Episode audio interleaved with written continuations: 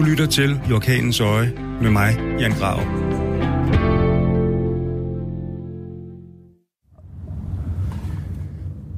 Velkommen til I Orkanens Øje. Jeg sidder i en bil på vej fra Østerbro ud til Nørrebro, hvor jeg på Café Friheden skal møde en mand, som øh, jeg har den allerstørste respekt for. Han er en outstanding forfatter og øh, krigskorrespondent. Han er en mand, som har en baggrund. Hans forældre kommer fra Afghanistan. Øh, han er, som sagt, krigskorrespondent, journalist, forfatter, foredragsholder, dokumentarist. Og øh, det er Nagib Kaya, jeg skal ud og snakke med. Nagib og jeg har en relativt lang historie sammen. Øh, vi har aldrig rejst sammen, men vi har dækket mange af de samme områder. Øh, jeg har hjulpet ham, og han har hjulpet mig ikke mindst. Og det glæder jeg mig meget til.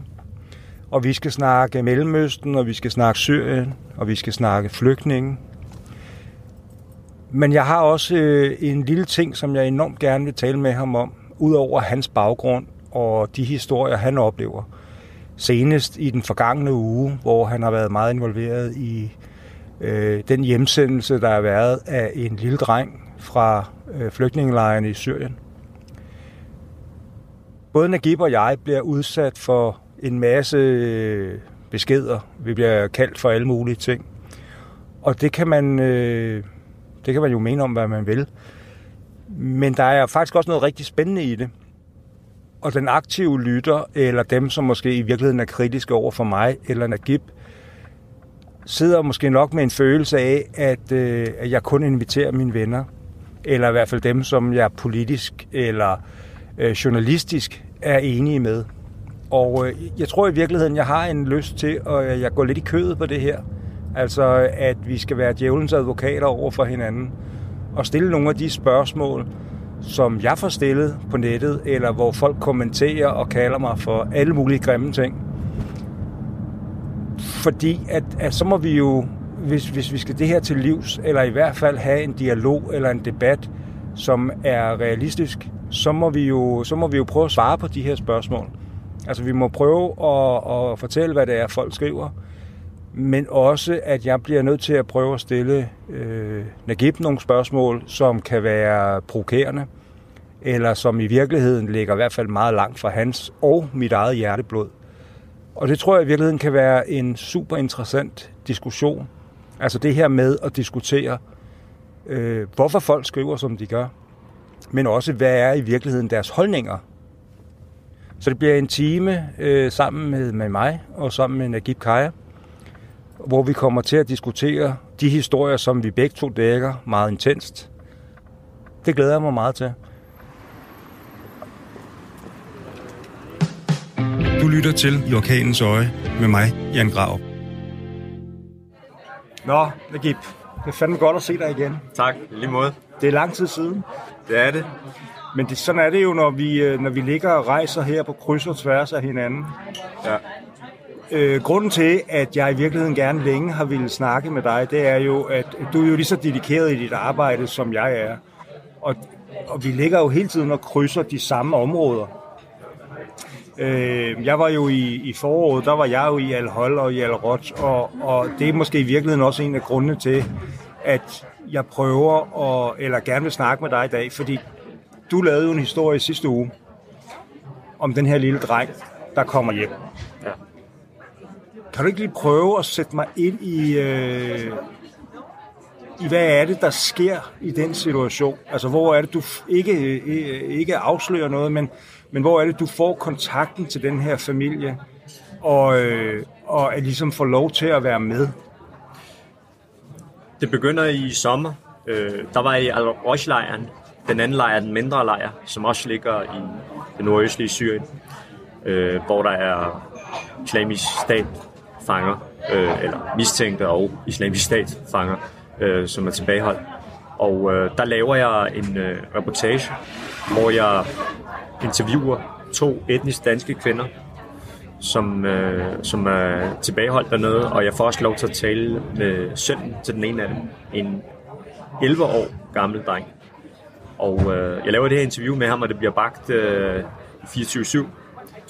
Og øh, efter jeg kommer hjem, så er der en mail i min indbakke øh, fra en øh, kvinde, som fortæller mig, at, øh, at de har øh, en pårørende, eller et barn, nede i øh, alkohollejren. Og de er desperate, fordi de kæmper for at få det her barn hjem. Så det vil sige, at det er en, en anden historie, som afføder kontakten til den her familie. Øh, og, og, og den dreng, som jeg har kontakt til, han, hans mor er etnisk dansk, konverteret til islam. Ham den 11-årige, som jeg interviewede i øh, al lejren Og faren er også dansk, men med somalisk baggrund. Og øh, den her familie her, en dansk familie med somalisk baggrund, som tager fat i mig. Ikke? Så jeg tror, at fordi at øh, historien om den 11-årige dreng øh, sætter en debat i gang, og øh, medfører en masse politiske reaktioner, så, så tænker familien, at, at det måske ville hjælpe dem, at de tager fat i mig. Så jeg, jeg får så kontakt til dem, og øh, jeg mødes øh, med dem. Jeg laver også en historie, en hurtig historie om, om det her barn her, samtidig med Weekendavisen. Weekendavisen laver også historien, der er også en journalist for Weekendavisen, Natasha Ræ, øh, som, som er i kontakt med den samme familie. Øh, og øh, og øh, jamen, så kontakter vi skiftevis familien og myndighederne for at følge op på sagen, for at høre, hvad der sker. Og familien de fortæller os så, at der er sådan en proces i gang, hvor de prøver at verificere, at barnet øh, er i familie med dem. Fordi det, der er sket med det her barn dernede, det er, at øh, øh, hans mor er fra Danmark, øh, rejste derned øh, for at flytte ned i islamisk stat, mistænkt for at, at, hvad nu det hedder, at blive en del af islamisk stat, i hvert fald en, som, som foretrækker at bo dernede, frem for i Danmark, øh, gifter sig med en, øh, med øh, sandsynligvis en islamisk stat kriger, eller en tilhænger dernede. De får så det her barn her, og øh, på et tidspunkt så forsøger hun at flygte dernede fra. Faren forsvinder i processen, og det er sandsynligvis fra en by, der hedder Barus, der under belejring. Det er nogle af de hårdeste slag overhovedet, øh, som har fundet sted der. Og øh, under flugten, jamen så, så bliver, bliver hun bumpet i en underjordisk tunnel og, og dør. Og øh, alle tror, at barnet også dør sammen med hende. Så der er nogle andre islamisk stat fanger, som øh, igennem sociale tjenester får kontakt til familien herhjemme i Danmark og fortæller dem, at både moren og barnet øh, de døde under det her angreb her. Og det tænker familien, altså de, de, øh, de, de omfavner sorgen og holder en, øh, en minde højtidlighed. Og øh, to måneder efter, bliver lige pludselig kontakter en fange, som siger, som sender et billede og siger, det her, det er, det, det er jeres familiemedlem, det er til, til øh, morfaren og til moster, og det, det, det er jeres barnebarn og, og nevø, og han har overlevet. Og de kan genkende barnet, siger de. Men de er stadig lidt i tvivl, fordi, fordi det er så lille, at, at babyer ligner jo hinanden. Øh, så de, øh, de kontakter myndighederne i Danmark og så går myndighederne i gang med på en eller anden måde igennem de internationale organisationer med at verificere, at, at, at den her baby er familie med dem. Og det finder de så ud af øh, omkring sommer, hvor, øh, hvor de laver en DNA-test på morfaren, og så finder de ud af med 100% sandsynlighed, at det, det er deres. Ja. Og så øh, går man i gang med at prøve at få øh, evakueret baby. Og det bliver, altså, det, det går, processen går i stå flere gange, sandsynligvis på grund af store politiske omstændigheder, fordi man ikke vil anerkende kurdernes selvstyre dernede. Rojava, mm. der i den nordøstlige Syrien, hvor babyen øh, er. Det er et kurdisk autonomt område, som, øh, som gerne vil beholde sin autonomi, og som har haft sådan øh, midlertidig våbenhvile, hvis man kan kalde det for, for det, med Assad-styret. Øh, men Assad vil ikke acceptere deres autonomi. Samtidig med det at Tyrkiet ikke er interesseret i, at de skal blive selvstændige eller blive for autonome, fordi de er bange for, at kurderne i det sydøstlige Tyrkiet også vil kræve det samme. Så Tyrkiet øh, vil ikke have dem anerkendt. Og, og især Tyrkiets anke, det, det gør det et problem for de danske myndigheder og andre vestlige lande at, at have øh, diplomatiske forbindelser til dem, fordi at Tyrkiet det er en vigtig NATO-allieret. Øh, så det gør, at der er en masse, der er en masse stopklodser i, det her, i den her proces, som handler om at få det her barn hjem. Øh, men da man endelig får grønt lys og får, ligesom, får omgået alle de her ting her, jamen, så invaderer Tyrkiet området. Og så bliver det helt aflyst igen. Og det er forfærdeligt for familien, altså, som går fuldstændig i panik og er bange for, at der skal ske noget. Ja, fordi det hører med til historien, det er jo i virkeligheden, at der hvor vi står lige nu, det er jo, at der er en voldsom øh, tyrkisk invasion i hele grænseområdet. Øh, og hvor at kurderne bare for at have en eller anden form for et minimum af beskyttelse, er blevet nødt til at indgå en aftale med Syrien. Altså med Assads regime, ikke? Øh, jeg var jo også i Kashmir. Vi var på Søndergaard på politikken, og jeg var ved at blive fanget af, af Assads øh, hemmelige styrker i området i Kashmir. Og det var sådan en relativt nervepirrende dag. Det er ikke så interessant. Det, der er jo interessant, det er de her børn. Og, øh, og, og jeg synes jo, at der er en ekstremt spændende historie i det. Og jeg er ekstremt øh, splittet, øh, som mange andre også er, i forhold til det her med danske øh, syrienskriger, eller øh, danskere, som har, har meldt sig under islamisk statsfaner. Også danske kvinder for den sags skyld. Men der sidder jo immer væk en gruppe af børn, som jo alle sammen at, har et dansk statsborgerskab. Øh, og den historie er interessant. Altså, i forhold til, hvad gør vi med dem? Altså, de er jo, de er jo på alle måder, øh, kan jo ikke holdes ansvarlige for deres forældres handlinger eller gerninger. Ja. Hvor står du henne i det der? Nu, og nu spørger jeg dig ikke som journalist, nu spørger jeg dig i virkeligheden personligt. Altså, i, i forhold til børnene, der er jeg, der, der har jeg en uh, helt klar og tydelig holdning, som handler om, at de er uskyldige. Øh, de er endt i den situation under deres forældres beslutninger. Det er børn, som enten er statsborger her, eller de har en stærk tilknytning til Danmark. Og jeg mener, at vi som samfund, vi har et ansvar for at beskytte de her børn her. Og jeg ved godt, at der er en masse udfordringer i forhold til, at de har forældre, der er mistænkt for terror osv. Men jeg har bare sådan dybt ind i mig et princip om, at hellere behandle nogle skyldige potentielle forbrydere lidt mindre dårligt, end at lade det gå ud over nogle uskyldige. Hvis der er noget, vi kan være uenige om, så er, at børn de er uskyldige. Øh, og ja, jeg ved godt, sådan, nu, nu, nu kommer jeg lige sådan, med sådan, hvad skal jeg sige, sådan lidt filosofiske tanker omkring, de kan jo komme tilbage, nogle af de her forældre her, fordi man skal hjælpe børn, når man ikke kan. Øh, det skal løses på en eller anden måde. Det er nogle forældre, som skal, som skal, som skal, de skal få en domstol. Øh, man skal finde ud af, hvad de har gjort. Nogle af dem har måske begået øh, nogle fuldstændig, øh, fuldstændig forfærdelige forbrydelser.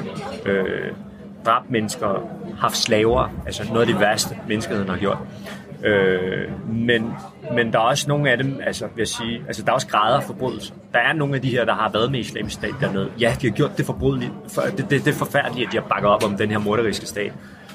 Men, men det er ikke alle sammen som er lige store forbrydere. Altså, de skal, de skal straffes efter, hvad de har gjort. Det er lidt ligesom her i Danmark, altså. Altså, jeg, noget af det, som jeg lagde meget mærke til ja. dernede, det var, at jeg snakkede jo også med en, en relativt stor gruppe af de her danske kvinder dernede.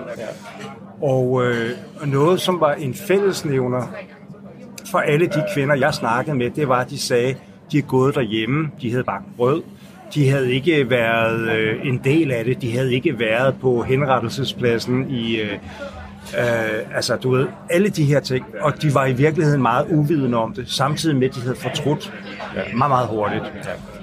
Men jeg fik også en følelse af, at det var noget, de ligesom skulle sige, for overhovedet at kunne fremme deres egen sag. Fordi de havde ikke set henrettelser. De havde ikke oplevet Daesh i... Øh, i fuld, i fuld flow, de havde ikke deres mænd, som måske var forsvundet, øh, det var fremmedkrigere. Ja. Og jeg tænker,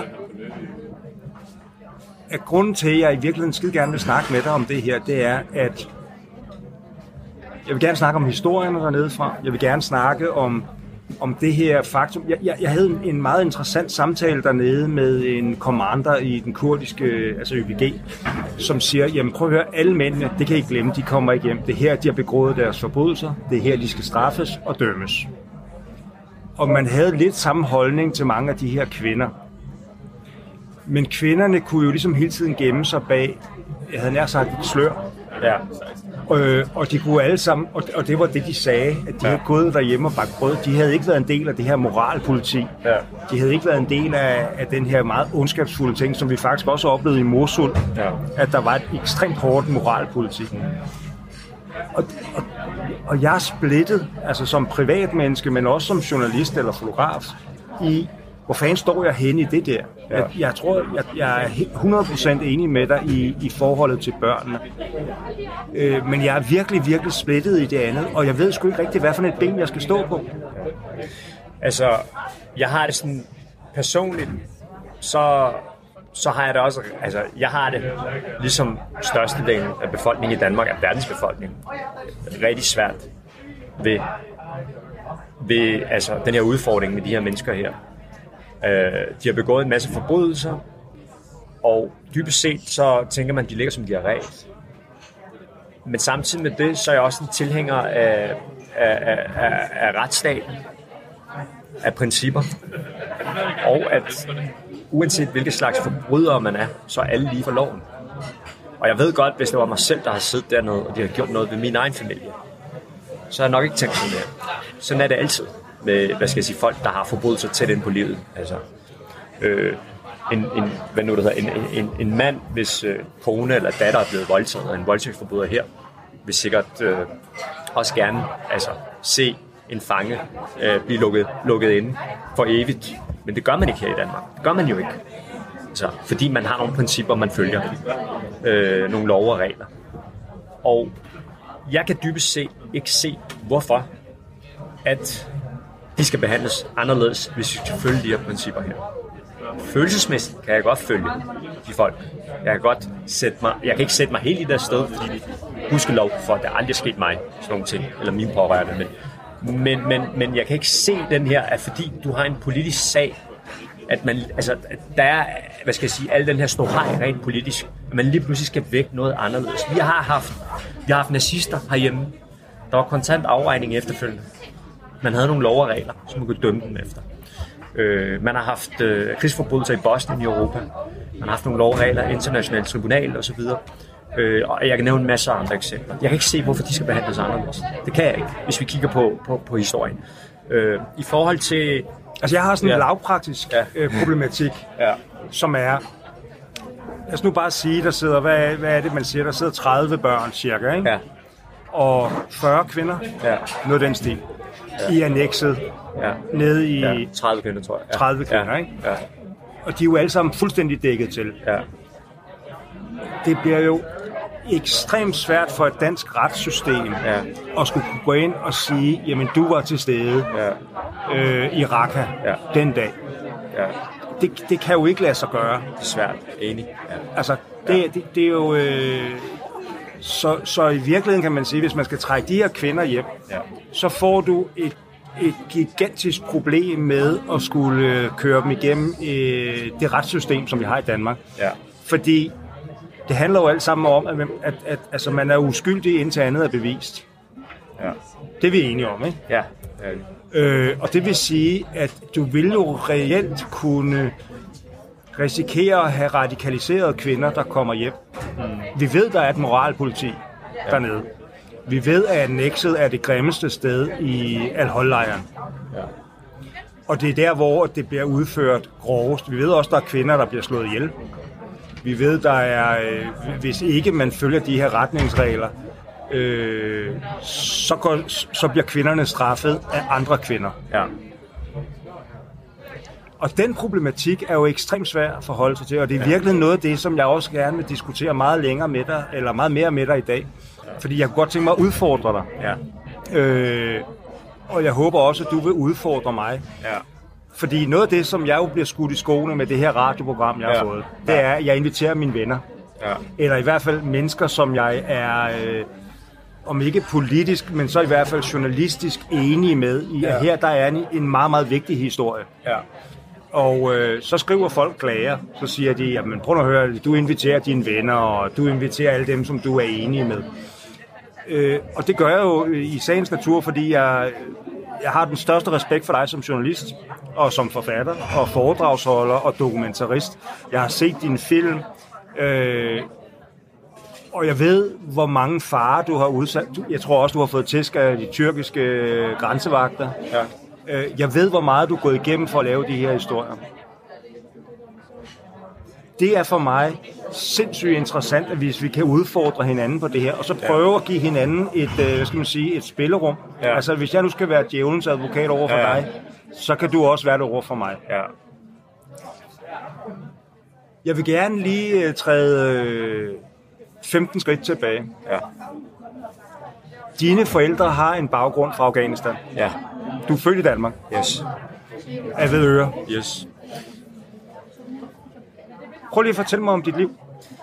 Jamen, jeg voksede op øh, i et hjem, hvor vi var fem sø- søskende. Jeg havde to brødre og to søstre. Jeg var den midterste.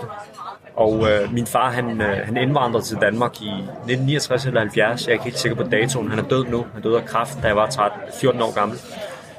Øh, han var en af de såkaldte gæstearbejdere, som aldrig tog hjem igen.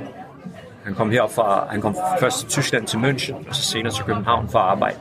Og han tog alle de der hårde jobs i restaurationsbranchen, fabrikker og så videre, øh, som, hvor der var efterspørgsel. Øh, og efter nogle år, en del år, så rejste han tilbage til Afghanistan og blev gift med min mor og hentede hende til Danmark. Der har været i 77, 78, 77 tror jeg.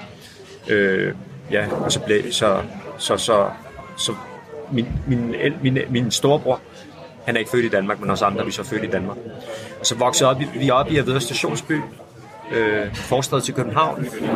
Gik også i skole der, og, og det var en meget tryg opvækst hos min familie, men det var også en, hvad skal jeg sige, øh, kulturelt, øh, hvad skal jeg sige, anderledes opvækst end de fleste. Det var et afghansk hjem. Mine forældre var fra Afghanistan. De havde afghansk kultur, og vi talte afghansk derhjemme.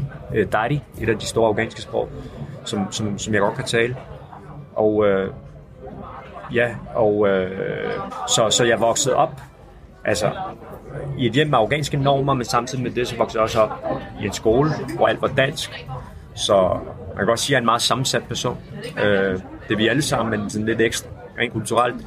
Øh, og så bliver ja, så, så boede jeg ved Stationsby indtil, indtil faktisk jeg flyttede til Syddansk Universitet, øh, til Odense for at studere journalistik, da jeg var 21. Øh, jeg gik også i gymnasiet ud i Avedøre, og så senere på Vesterbordet. Jeg havde sådan lidt, hvad skal jeg sige, lidt, øh, lidt, lidt, lidt vild teenageperiode, hvor jeg rodede mig ud i alt muligt. Jeg kan godt sige, at jeg blev lidt kriminel også. Øh, følte mig ret rådløs, efter min far han døde. Øh, fik en omgangskreds, altså nogle andre drenge. Både skare, både etnisk danske og, og unge minoritetsbaggrund, hvor vi rodede os ud i ballade konstant. Øh, men, men samtidig med det, så også, jeg havde fået sådan et stærkt fundament, især min far, som lagde meget væk på det boglige, og havde nogle meget, meget stærke principper omkring, hvordan man skulle behandle andre mennesker. Så selvom jeg altså kom lidt, øh, hvad skal jeg sige, kom lidt galt afsted, så, så havde jeg ligesom noget, jeg kunne, jeg kunne falde tilbage til. Du havde et fundament i din familie? Jeg havde et fundament. Der var helt sådan en eller anden grænse, som jeg et eller andet sted aldrig overskred, fordi ja. at min far han bare gav mig nogle værdier, som gjorde, at, at jeg, ja, jeg havde et, moralsk, et stærkt moralsk kompas selv, når, når det stod værst til, kan jeg sige. Hvor kom interessen for journalistikken fra? Jamen, den kom også et eller andet sted fra min far, som, som diskuterede international politik ret ofte med mig.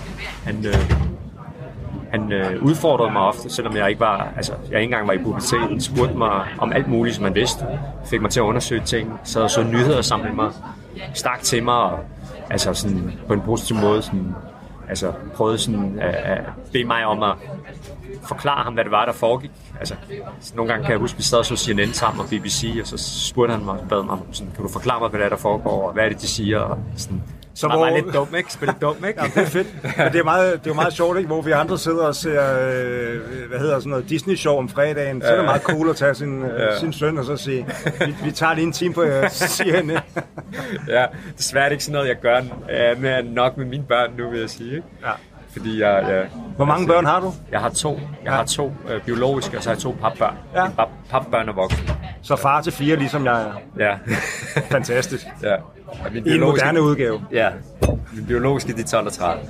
Ja. Fantastisk. Så, men, øh, men, men, men, men, men han havde også, han havde også, hvad skal jeg sige, han havde også øh, nogle udsagn omkring journalistik, ikke?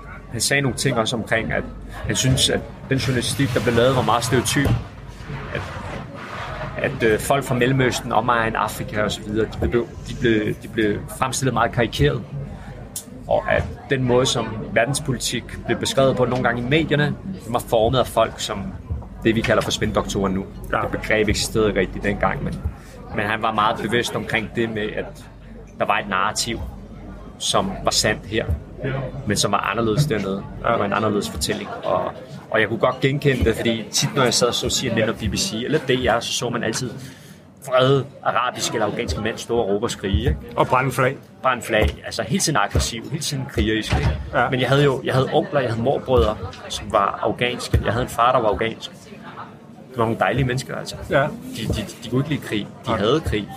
Øh, og, og, og, de var ikke enige med det, der blev, altså, der blev fremstillet. Så jeg, fik, jeg havde hele tiden sådan meget en tidlig alder, nogen jeg ligesom kunne, altså, jeg kunne, øh, jeg på en eller anden måde kunne øh, teste det, jeg fik at vide opad. Ikke? Og senere, da jeg så blev teenager, så var der også ret meget i Ekstrabladet. Der var sådan en kampagne om indvandrerne, at de var nogle nasser, og de var nogle tabere, og de var kriminelle osv.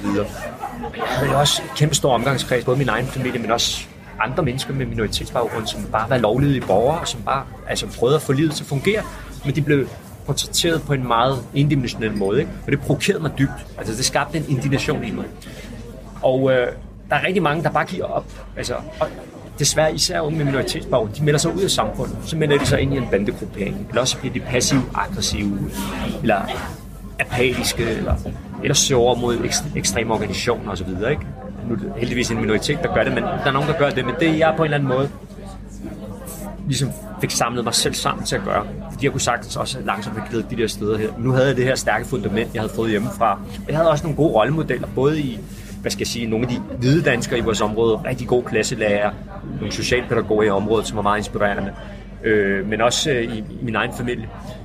De mennesker gjorde bare, at altså, den inspiration, jeg fik, gjorde bare, at jeg mobiliserede de mørke kræfter, hvis man, den mørke energi på en positiv måde, og tænkte, okay, hvis, hvis det er noget lort, det de viser, så går jeg sgu ind og laver om på det. Så gør jeg det mere realistisk. Altså, så kan jeg, i stedet for at brokke mig, så kan jeg gå hen og ændre det. Øh, og det er ligesom, det har været min tilgang. Det var, har været min indgangsvinkel til journalistik. Det var ligesom det, som gjorde, at jeg begyndte. At, øh, at, ja, at, at jeg blev ansporet til at blive, blive journalist. Ja. Er det rigtigt, du engang er blevet taget til fange af Taliban? Ja, jeg blev kidnappet i 2008 af Taliban.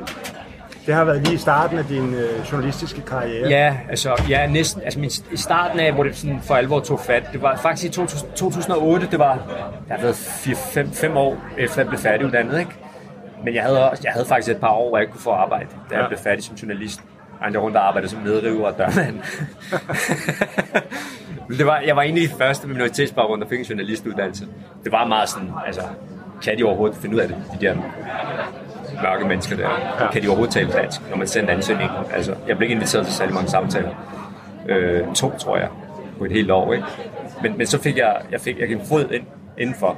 Øh, og så begyndte jeg at arbejde ude på DR først i 2004. Var med til at lave den, altså hjælpe til med den hemmelige krig. Jeg fandt de der krigsfanger, som Christoffer Guldbrandsen og Niels Giversen. Ja. Ligesom den første ting, men jeg var meget sådan, altså, jeg var slet ikke med alt det der. Jeg var sådan i baggrunden, ikke?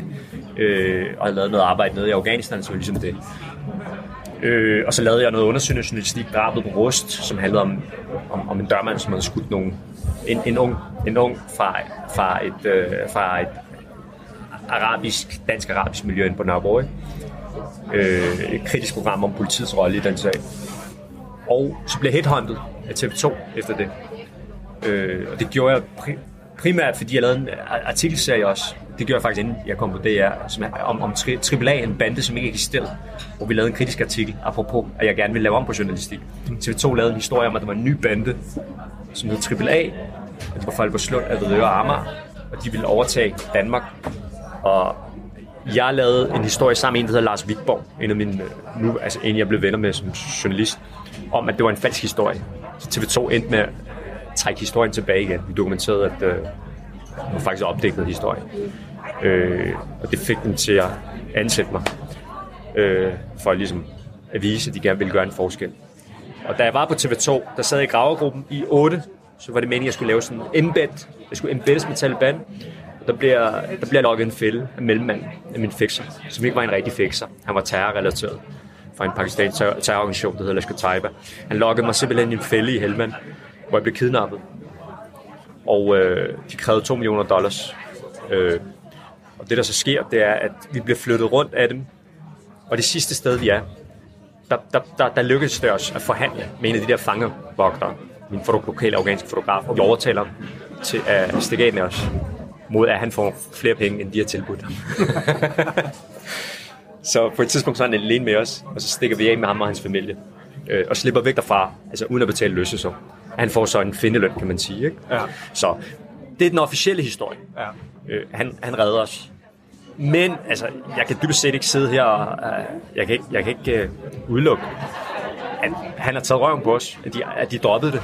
Jeg har også hørt rygter om, at britiske soldater var tæt på at opspore os. Ja. Og det kan godt være, at de slukkede af, kidnapperne. Og så har ham der bare sagt, hey, jeg kan hjælpe jer. Vi skal jo til det.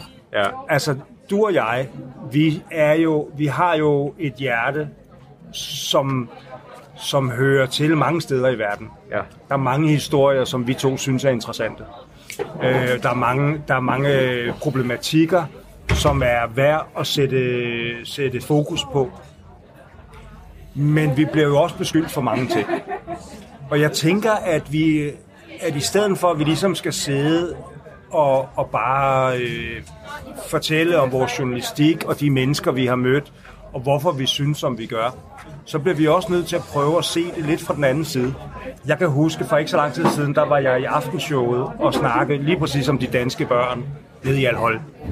Og øh, jeg får sagt det sådan meget bramfrit, hvad det er, jeg reelt mener. Og det er det her med, det kan vi simpelthen ikke være bekendt som samfund. Altså at, at, at have nogle børn, der sidder et sted. Godt nok med nogle forældre, som, som har valgt det, men børnene er jo et eller andet sted uskyldige. Ikke? Og øh, dagen efter, så får jeg så en besked, hvor der står, øh, at øh, fra en afgiven mand, at han ønsker, at mine børn de skal øh, voldtages, øh, og at de får posttraumatisk stress af det, og at, øh, fordi så kan jeg lære det. Det er jo underforstået, at de immigranter, øh, der er i Danmark, de ligesom vil vise deres sande jeg. Og så gør jeg det her ved mine børn, og så kan jeg lære det derfra. Så vil jeg, øh, så vil jeg øh, annektere hans holdning til flygtninge-indvandrer-debatten. Øh, jeg fik også at vide, fordi jeg har jo tidligere haft et alkoholmisbrug og et kokainmisbrug. Jeg fik også at vide, at jeg bare var en, øh, en argument, øh, og jeg var grim, og jeg var alle mulige ting. Og, og det er jo sådan meget, det er jo nogle meget lavpraktiske ting. Det kan jeg sagtens forholde mig til. Det, det må folk gerne synes. Hvad hører du? Jamen, øh, jeg hører, jeg hører, at jeg er femte kolonne ekstremist, hører jeg nogle gange. For eksempel, når jeg har lavet nogle programmer fra Taliban-kontrollerede områder eller fra Al-Qaida-områder i Syrien, jamen, så er der nogen, der anklager mig for at fremme deres sag. Jeg er krypto-islamist, kalder de mig for. Krypto? Ja, det lyder lidt fedt, ikke? en eller anden krypto. Det lyder som en eller anden, øh, øh en anden Star Wars-film. Uh, øh, men men, øh, men jeg, jeg bliver beskyldt, at jeg har en anden dagsorden, end det jeg foregiver. Jeg er en pseudo-humanist. Øh, og det er jo selvfølgelig på grund af min baggrund. Mine forældre fra Afghanistan, ved, og jeg kommer fra en muslimsk kultur og sådan noget ting. Øh, og det er jo, altså, jeg ved ikke rigtig, hvad jeg skal svare til det, fordi det, det svarer til, at nogen kommer og siger til mig, at jeg banker min kone, og så skal jeg bevise, at jeg ikke banker hende. Altså, det er sådan, du ved, det er sådan en omvendt bevisbyrde jo. Øh, og øh, jeg får at vide, at altså for eksempel fra Assad-støtter, at jeg er sionist. Nå. Jeg er agent for Israel. Nå, det, det ligger lige i den anden. Ja, det er den anden boldgade. Og det, det er jo fordi, de har en teori om, at dem, som gerne vil øh, vælte Bashar al-Assad, det er Israel, i samarbejde med USA og Saudi-Arabien. Så, så det får jeg også at vide. Ja. Og øh, udover det, hvad, hvad får jeg, hvad, jo, så har jeg selvfølgelig også fået at vide, at jeg er venstre ekstremist. Det får jeg også at vide. Øh, og det samme, det der med, at øh, det er jo kun fordi, jeg ikke har mærket noget på, på egen krop. Det er jo derfor, at, øh, at, at jeg, jeg argumenterer for de her ting her. Og der vil jeg sige, at sådan helt dybest set, jo, altså sådan, nu, nu, nu anklager jeg, altså, nu tager jeg den lidt videre og siger, er det, er det virkelig det, vi vil? Altså, at, at bringe nogen herop, som kan gøre vores egen familie fortræd. Fordi den mulighed er der jo. Altså, hvordan, hvordan har du det med, at for eksempel, nu, nu, nu er James okay over for dig, Jan. Nogle af de mennesker, vi måske bliver tvunget til at tage herop. På grund af de principper, vi har. Øh, det, er, det er jo folk, som potentielt er terrorsympatisører. Det kan være folk, som enten radikaliserer nogen, som begår noget terror og dræber nogle uskyldige mennesker. De kan ende med at dræbe nogle af dem, som, som, som vi elsker højt. Øh, og, øh, eller også kan det være nogen, der som selv gør det her. Fordi de kommer jo på fri fod på et tidspunkt. Vi har ikke, øh, vi har ikke livsvej i dom her i Danmark. På et eller andet tidspunkt vil de komme ud. Hvordan, hvordan har du det med det? At den teoretiske mulighed, den er der. Altså, når, når du sådan dybest set tænker, altså du er i tvivl, men, men hvis man skal hjælpe børnene, man kan jo skille det med fra deres mor, for eksempel. Øh, hvad tænker du om det? Jamen for mig, øh, jeg har ikke alle de her dårlige oplevelser, øh, som nogle danskere har omkring øh, migration. Jeg kan huske min, øh, min søn Elias, som er min, øh, næst, mit næst yngste barn. Han, øh, han spillede fodbold i HIK, og så tog han til B93. Og i B93, der fik han fire rigtig, rigtig gode venner, som alle sammen havde øh, en anden baggrund end dansk. Altså etnisk. Og øh, de boede herude på Nørrebro. Øh, de boede faktisk i Mjølnerparken. Og de var nogle rødder. Øh, de stjal cykler, når de skulle til træning. Men det var fandme også de varmeste øh, knægte, øh, som jeg nogensinde har mødt. Og, og det endte med, at min søn blev skide gode venner med dem. Både på fodboldbanen, men også privat. Og det vil sige, at de kom hjem til os. Jeg bor i sådan en stor lejlighed på Østerbro. Og det var sådan en, øh, altså det var sådan et slaraffenland i et eller andet omfang for de her drenge. Men de, jeg tror også, de følte eller mærkede, at de blev set og anerkendt for, hvem de var. Og at jeg kunne sige til dem, ej, så stopper vi, drengen. Og det jeg i virkeligheden oplevede, det var jo, at der lå noget, der lå nogle opvækstbetingelser i det, som er, at du ved, herfra min verden grå, men der findes også en anden verden. Og hvis ikke du ligesom bliver accepteret i den verden, så, øh, så kan det gå rigtig galt. Så det der med at, at møde de her fire knægte, som bare blev altså var de varmeste, og som øh, tog Elias ind, og, og han tog dem ind. Det skabte et venskab, som var, øh, som var ekstremt varmt. Men jeg har ikke, så jeg har ikke den der bekymring. Altså, jeg, nu, jeg gider ikke snakke bandekriminalitet, fordi altså, vi, øh, inden der kom øh, indvandrerbander i Danmark, så havde vi også HA, og vi havde øh, bullshit og banditter, så vi har haft alle mulige andet. Altså, der er nogle kriminelle miljøer rundt omkring, og det er fuldstændig ligegyldigt, om det er, om det er indvandrere eller om det er danske. De kriminelle miljøer, og de skal selvfølgelig straffes efter, efter alle de der forhold. Så jeg har ikke et stort problem med det. Og, og jeg, det kan også godt være, at jeg er for privilegeret. Men, men, men det jeg møder, når jeg, når jeg øh, altså er på sociale medier, det er jo et, det er jo et, et rendyrket had. Altså forleden dag, jeg, jeg, har lige, jeg er lige kommet hjem fra Moria-lejren, hvor der sidder 15.000 mennesker. Der sidder masser af afghanere. Øh, der sidder masser af irakere, der sidder masser af syre, som lever under de mest kummerlige forhold. Og så lagde jeg en billedserie ud, og så var der en, der skrev, øh, hvad fanden var det, hun skrev? Hun skrev, jeg, jeg tørrer min salte tårer af, hvem har inviteret dem? Altså helt ureflekteret i forhold til, hvad det er for en baggrund, de kommer fra.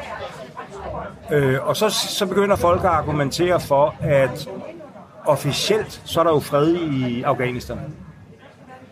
Det ved både du og jeg, der ikke er. Mm. Men på papiret er der fred i Afghanistan. Hvad laver de så her? Altså det der med, der bliver sådan et, et, et, et, et mudret billede af, øh, hvem må flygte og hvem må ikke flygte. Altså det er som om, der skal næsten være nogen, der på forhånd siger, okay, syre må godt flygte fra krigen. Øh, afghanere må ikke. Øh, Irak, øh, irakere må ikke. Ja. Men nu tager jeg den lige, bare for at fortsætte med at være djævelens advokat. Ikke? Ja. Øh, nu siger vi, øh, lad os bare sige sådan teoretisk set, der er 50.000 afghanere på vej til Danmark på et eller andet tidspunkt. Fordi ja. det bliver lettere for asyl her. Vi tager imod de 50. Der kommer endnu flere. Hvad gør vi? Altså, det, altså i forhold til det pres, som det danske system bliver udsat for. På grund af, at der kommer rigtig mange mennesker, der er mange af dem, der er analfabeter, der kræver rigtig mange ressourcer. Øh, at få dem til at omstille sig til det danske samfund. Øh, det kræver ressourcer, så de kan tage sig af sig selv. De kan ikke alle sammen få arbejde. Øh, der vil komme flere sociale problemer.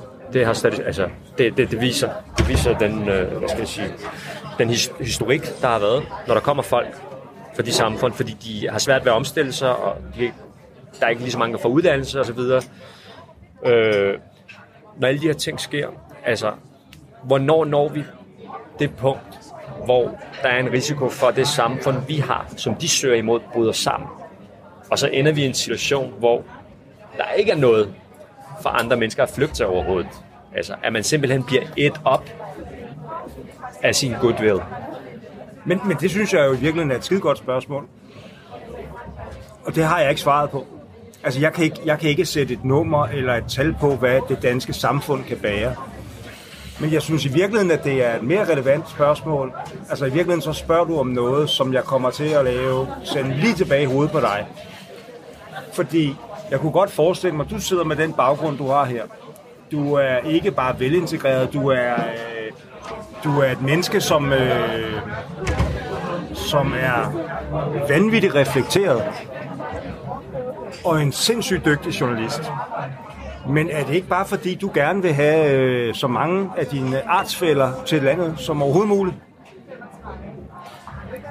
Jamen, øh, jeg har faktisk den holdning til de udfordringer, vi har i verden, at det internationale samfund bliver nødt til at lave en fælles indsats. Jeg mener heller ikke, at den situation, vi har nu, at den er holdbar, at der er enkelte lande, som for eksempel især Sverige og Tyskland, som trækker det største, altså største del af læsset.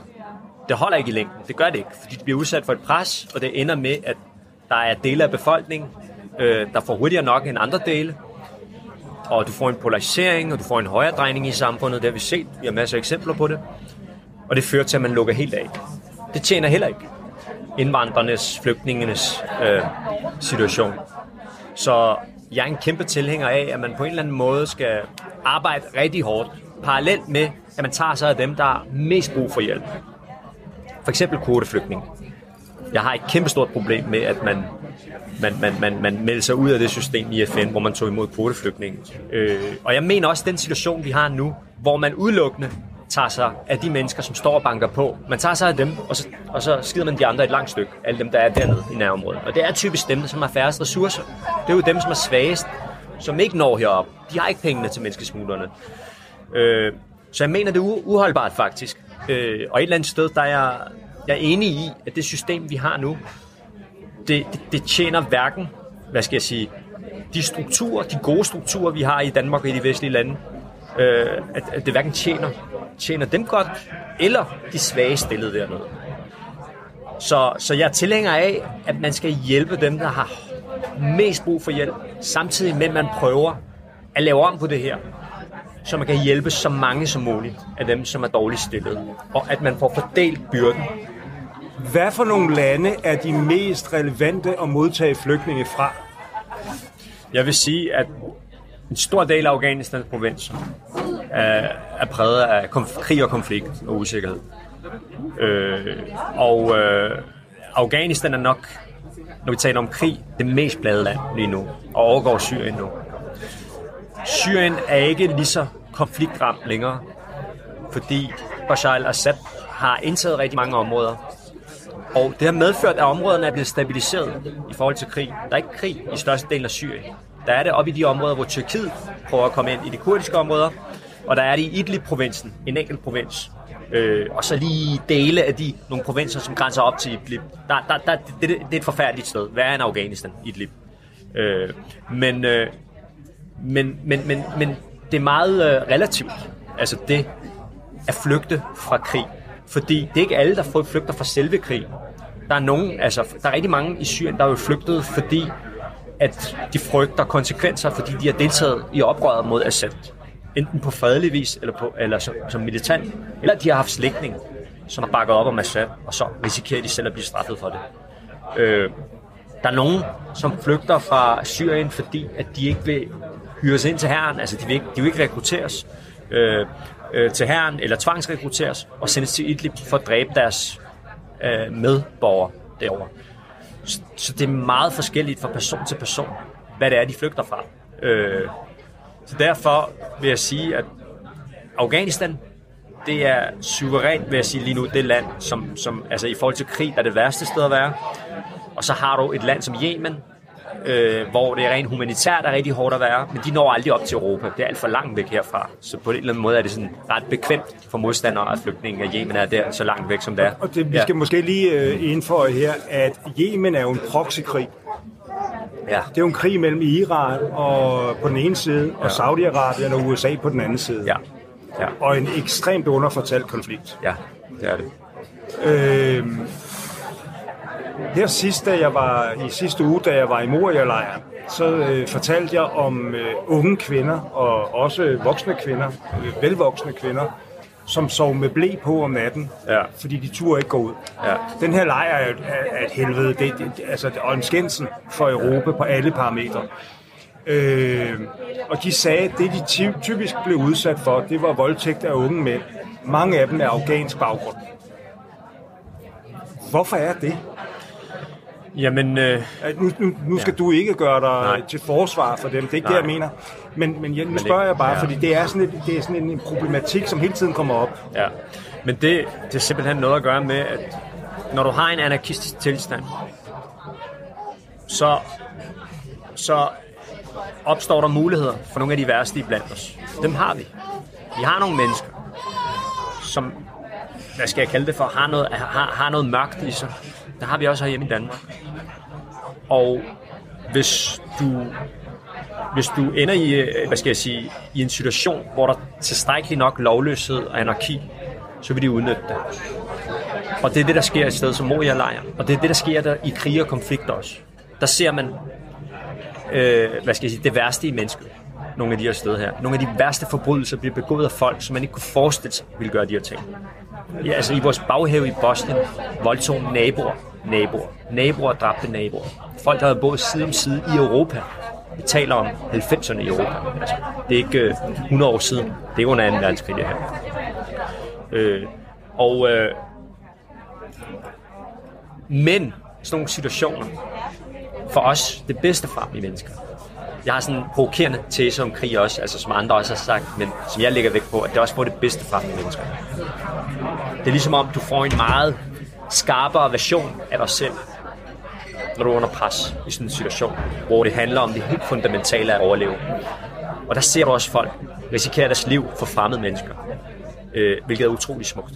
Øh, og det er nok en af de ting, som også gør, at jeg bliver draget mod sådan nogle steder. Og det gør du også, Jan, er jeg sikker på. At du finder det mørkeste, men du finder også noget af det smukkeste de her steder her, som bekræfter dig i, at, men, at der er noget godt i os mennesker. Øh, og nu, nu tog jeg Moria-lejren en meget trist historie, du kom med, forfærdelig historie om voldtægter, og vendte det til noget positivt.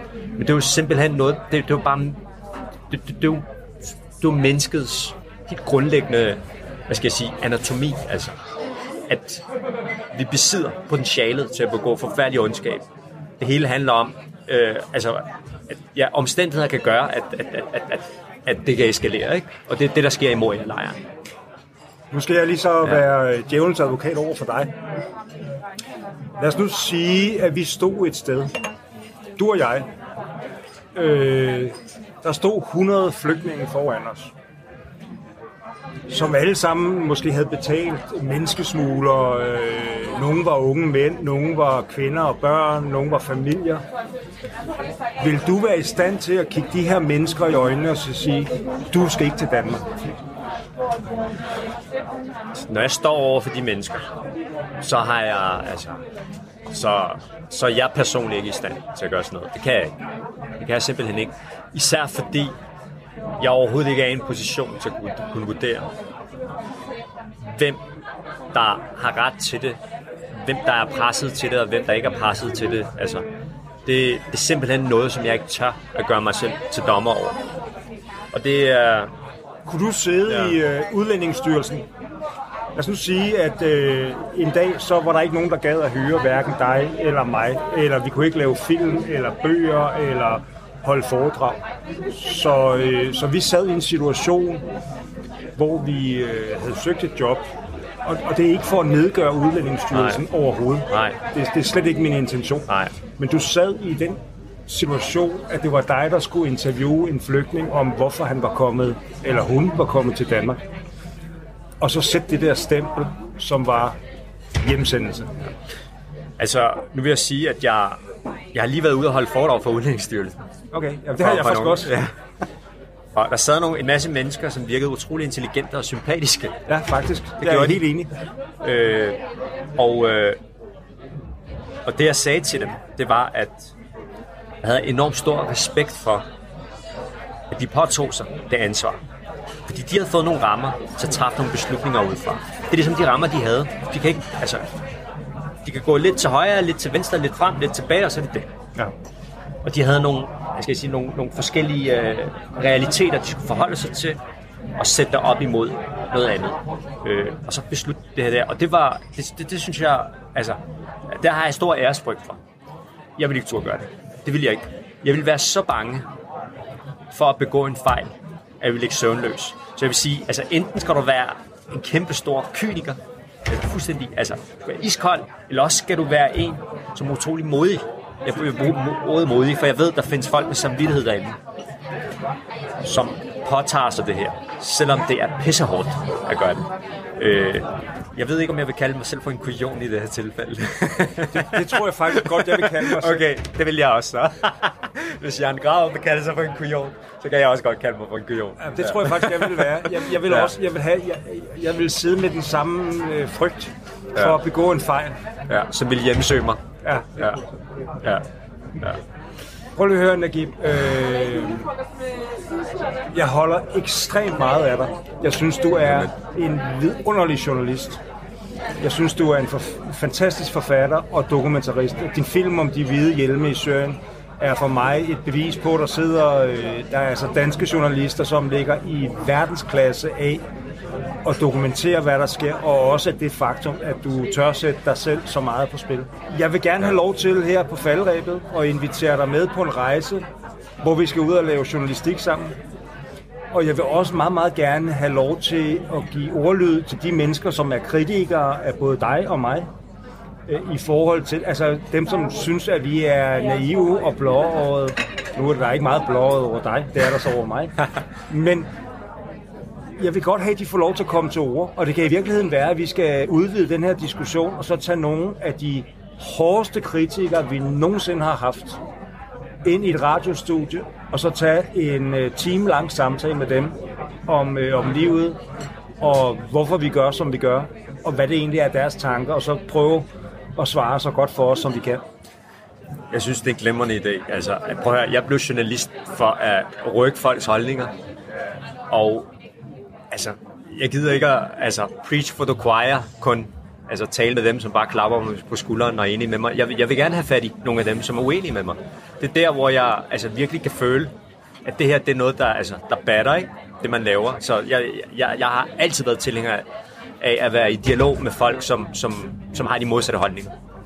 Øh, Du er en øh, held i mit liv. Tak. I lige måde, Jan. tak. Du lytter til I Orkanens Øje med mig, Jan Grav. Jeg er på vej hjem efter at have siddet på Café Friheden på Nørrebro sammen med Nagib Gaia. Og jeg føler mig ekstremt beriget. Jeg holder meget af Nagib, øh, både som menneske øh, og også som journalist. Jeg synes, han er ekstremt dygtig. Det er... Øh, jeg tror, jeg har sagt det tidligere, og jeg vil gerne gøre det en gang til. Det er hjerteblod for mig, og jeg har ikke alle svarene på, hvad der er den rigtige løsning i forhold til, til alle de ting, der foregår rundt omkring i verden, og hvor mange flygtninge, øh, indvandrere man skal tage ind i Danmark. Men jeg synes, det er en diskussion, som er værd at tage. Nagib er et ekstremt givende menneske. Han er en ekstremt modig journalist, og man behøver ikke at være enig med hverken mig eller Nagib i noget som helst, øh, så længe man ikke er lige glad. I redaktionen i den her uge er Tom Tramborg og Lene Jul. Producer er Kasper Risgaard. Tusind tak til min gæst, Nagib Kaja. Mit navn er Jan Graup. Vi høres ved i næste uge.